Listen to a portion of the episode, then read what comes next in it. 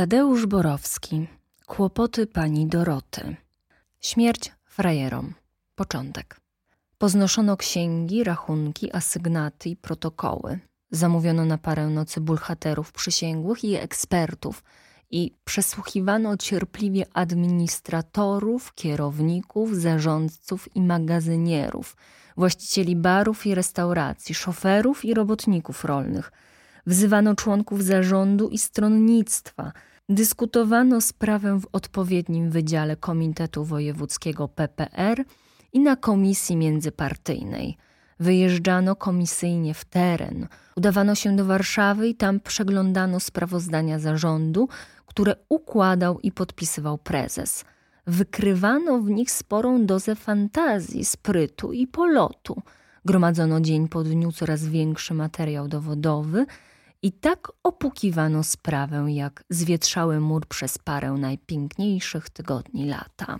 Tymczasem zaś cała biedota w majątkach rolnych należących do związku i cały aktyw w B odetchnęli po upadku pana Stasinka i śmieli się z tej ślicznej fuzji trzyluftowej, tak zwanego Drillingera. Drillinger zresztą nie strzelał, był zepsuty na amen – ale stał się jedną z przyczyn nieszczęścia na równi z dziesięcioma funtami czarnej, niemielonej kawy. Były i inne powody, ale z tych już się nie śmiano. Drillinger świadczył, że związek idzie na udr z bandami. Stał w szafie w sekretariacie związku. Szafa się nie domykała i interesanci wychodzili z lokalu pod wrażeniem ostrego pogotowia bojowego.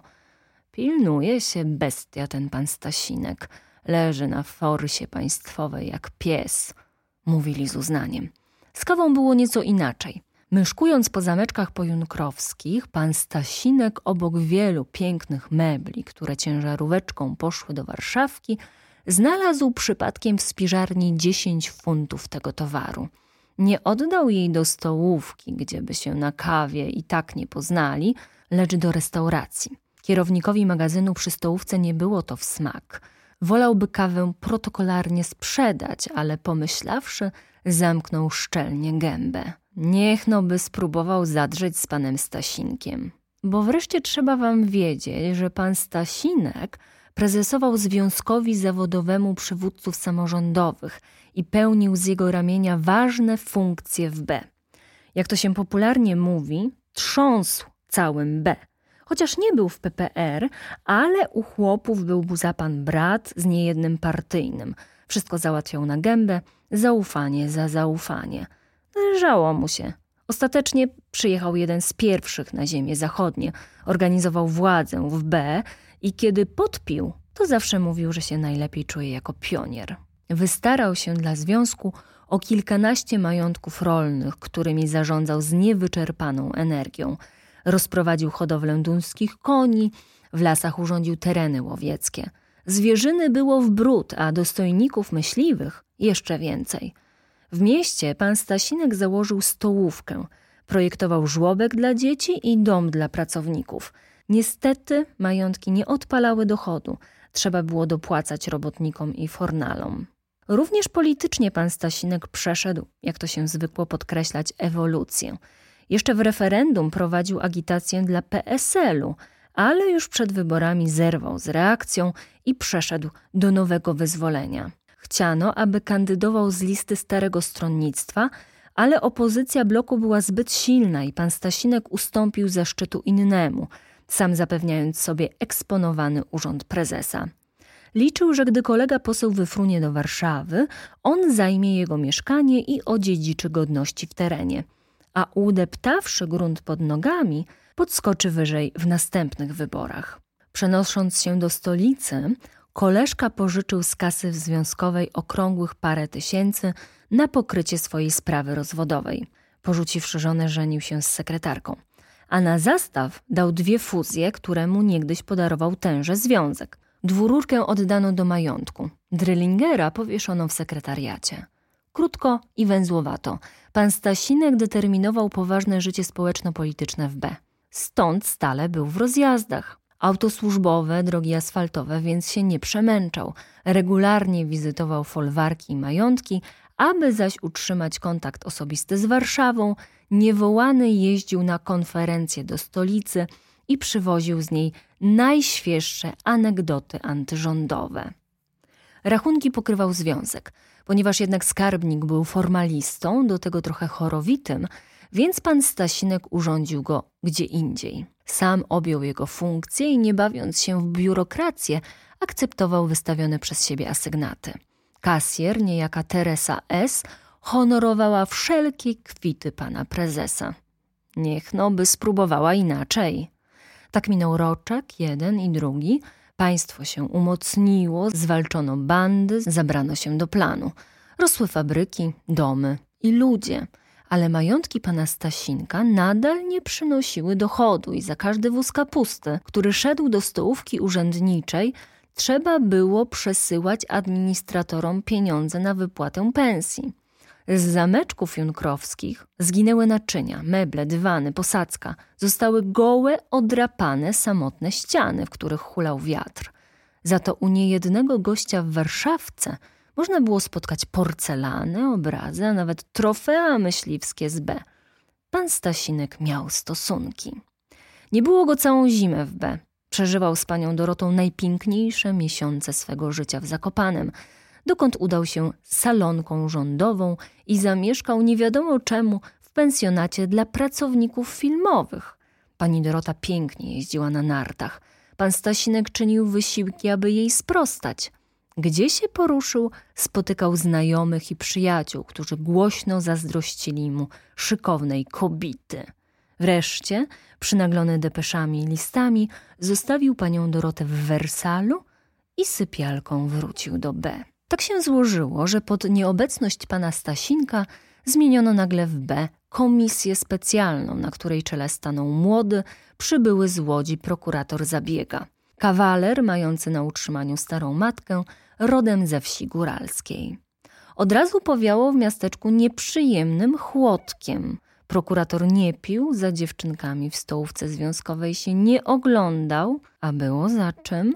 Do baru hotelowego nie chodził, nie pokazywał się prawie wcale w kolejowej restauracji pana olejnika. Czasem tylko, gdy miał nagle sesje wyjazdowe, wpadał po kilka kanapek na drogę. Lubił natomiast rozmawiać z ludźmi, Łaził na wszystkie zebrania, budził zgorszenie swoimi przyjaźniami z załogą elektrowni i gazowni. Włóczył się zapamiętale po okolicy. Mówiono, że to góralskie nawyczki ciągną faceta za miasto. Roboty miał sporo i wsadzał, aż się kurzyło. Przymknął jedną bimbrownię, znalazł mały składzik na stryżku u aptekarza. Podkręcił, jak to się powiada, kilku hurtowników – przetrząsł piwnicę restauratora olejnika i odebrał mu chęć do oszczędzania. Zagnał paru spekulantów do obozu pracy i jakoś niechcący zawadził o gospodarkę w Związku Samorządowców. O tej gospodarce głośno już było w miasteczku, chociaż otwarcie nie mówiono jeszcze nic. W dniu, kiedy spaliły się zabudowania folwarku pokrzywki, Przybyła stamtąd delegacja Fornali, aby na zebraniu aktywu partyjnego elektrowni postawić sprawę lekarstw dla majątku. Elektrownia opiekowała się majątkiem i brała udział w jego życiu społecznym. Pokrzywki należały do Związku Zawodowego Samorządowców, ale związek rozłożył ręce. Brak funduszy na lekarstwa, powiedział jesienią pan Stasinek i sprawę załatwił odmownie. To jak to? Nic się nam nie należy? Mówili z goryczą delegaci Fornali. Tylko pracuj i haruj, a taki łajdak będzie się po Polsce rozbijał z babą? I nikt mu na palce nie patrzy? Dla niego pieniądze są, wolno mu przyjeżdżać z kim zechce i każdemu mówić śmierć frajerom? Wylegiwać się w pałacu z kobitką? A potem rączki rozkładać jak się do niego przyjdzie? Przyjedźcie, towarzysze, zobaczcie te spalone budynki. Czort się w tym nie rozbierze. Po południu naczelnik Wydziału Sabotażu z Urzędu Wojewódzkiego UB towarzyszka Józefkowa z Komitetu Wojewódzkiego Partii i prokurator Zabiega wsiedli w samochód i wraz z dziennikarzem, który przypadkowo bawił w B, udali się do pokrzywek.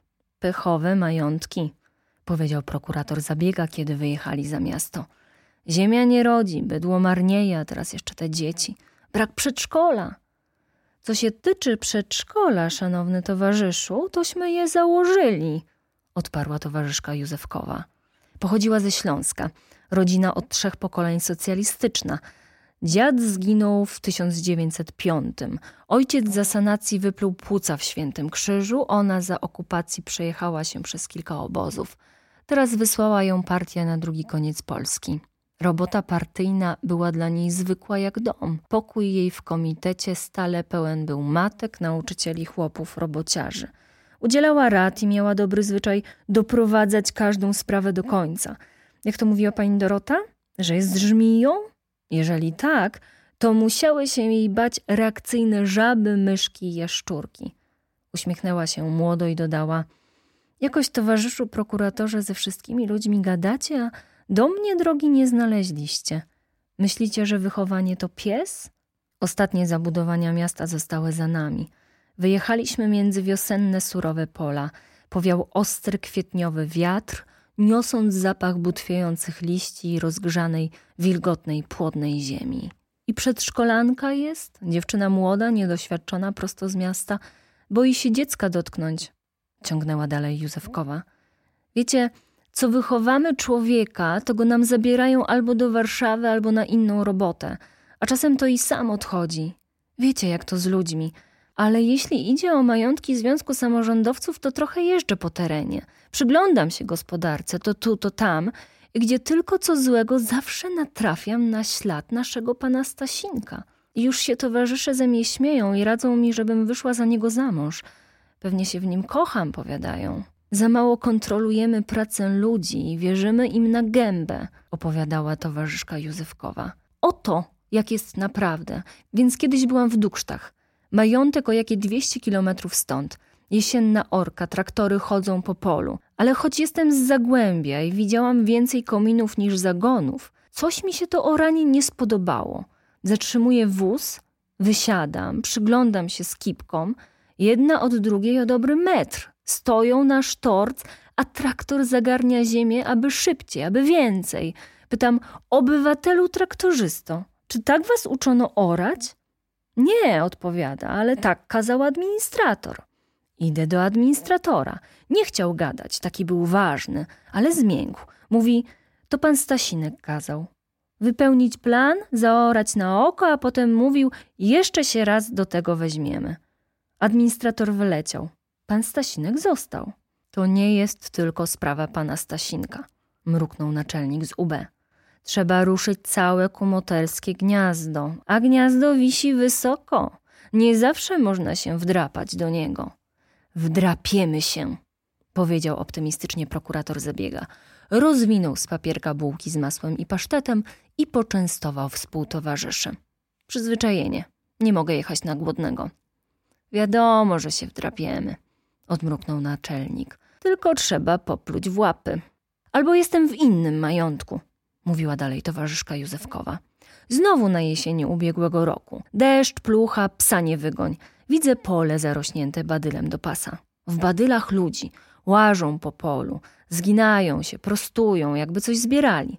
Zwariowali widać, powiedział mój szofer i zatrzymał się na skraju drogi. Wysiadam, idę w pole.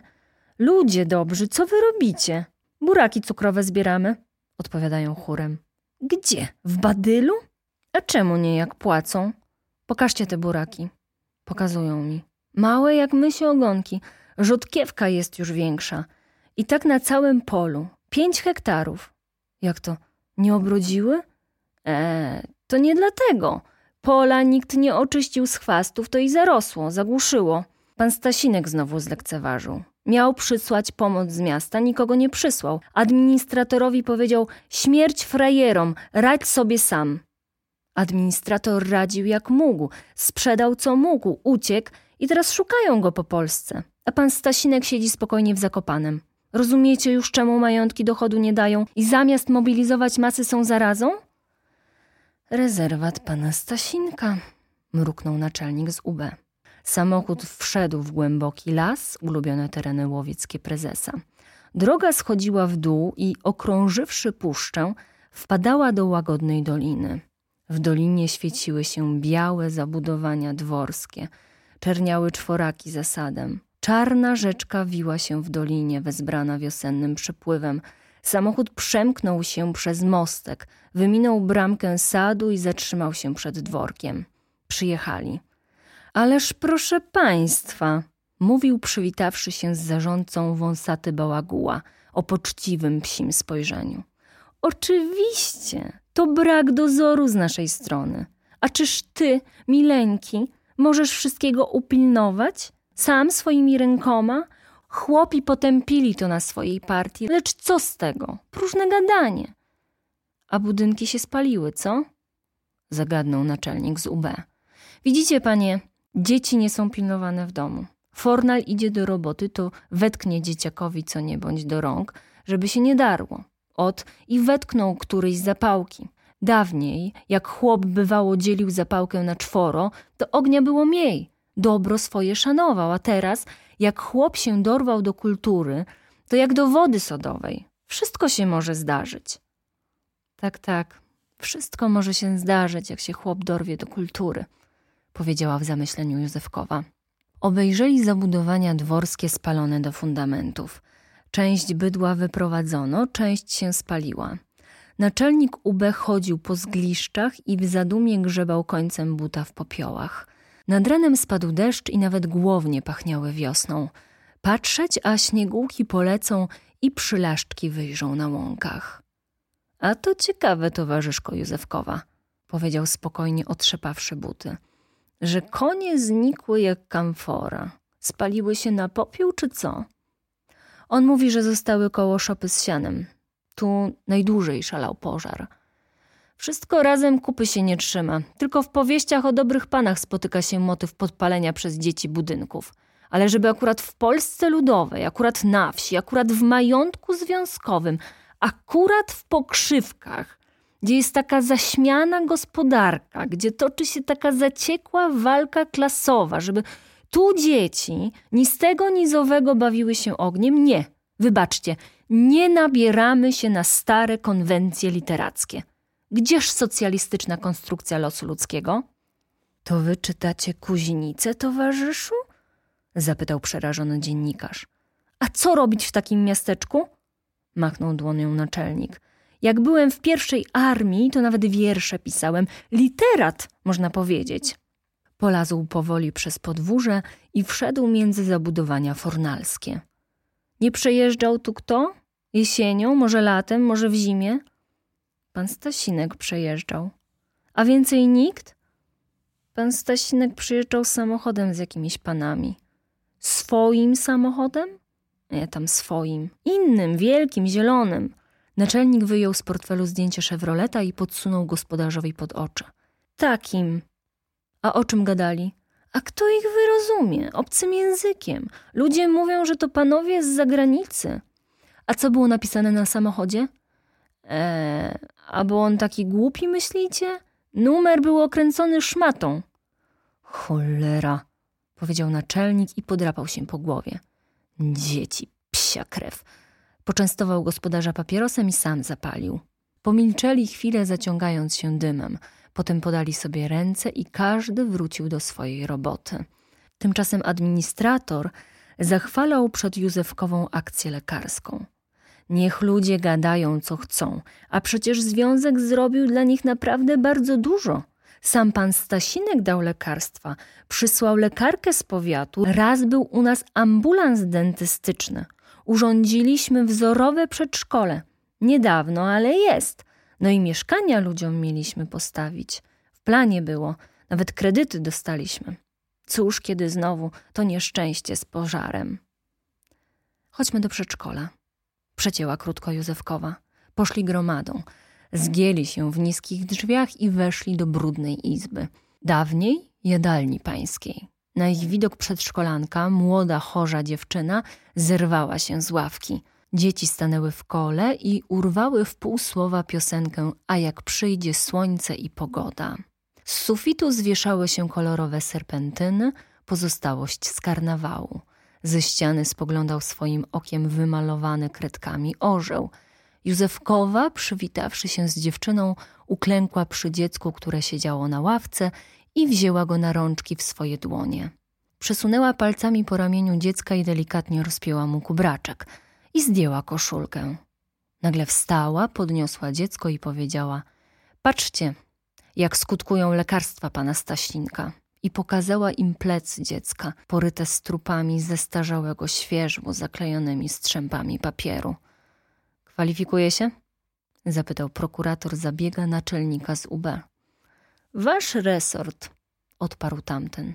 No, to zabieraj się, kochaninki, z nami, powiedział śpiewnie prokurator zabiega do oniemiałego administratora i zatarł ręce. Pomieścimy się w aucie wszyscy. W milczeniu wsiedliśmy do samochodu i wyjechaliśmy za bramę. Jak to powiada pan Stasinek? Przypomniał sobie prokurator, gdy wyjechaliśmy na wzgórze i pożegnalnym spojrzeniem obejmowaliśmy folwark pokrzywki. Śmierć frajerom, mówi on? No to śmierć frajerom. Ciąg dalszy nastąpi.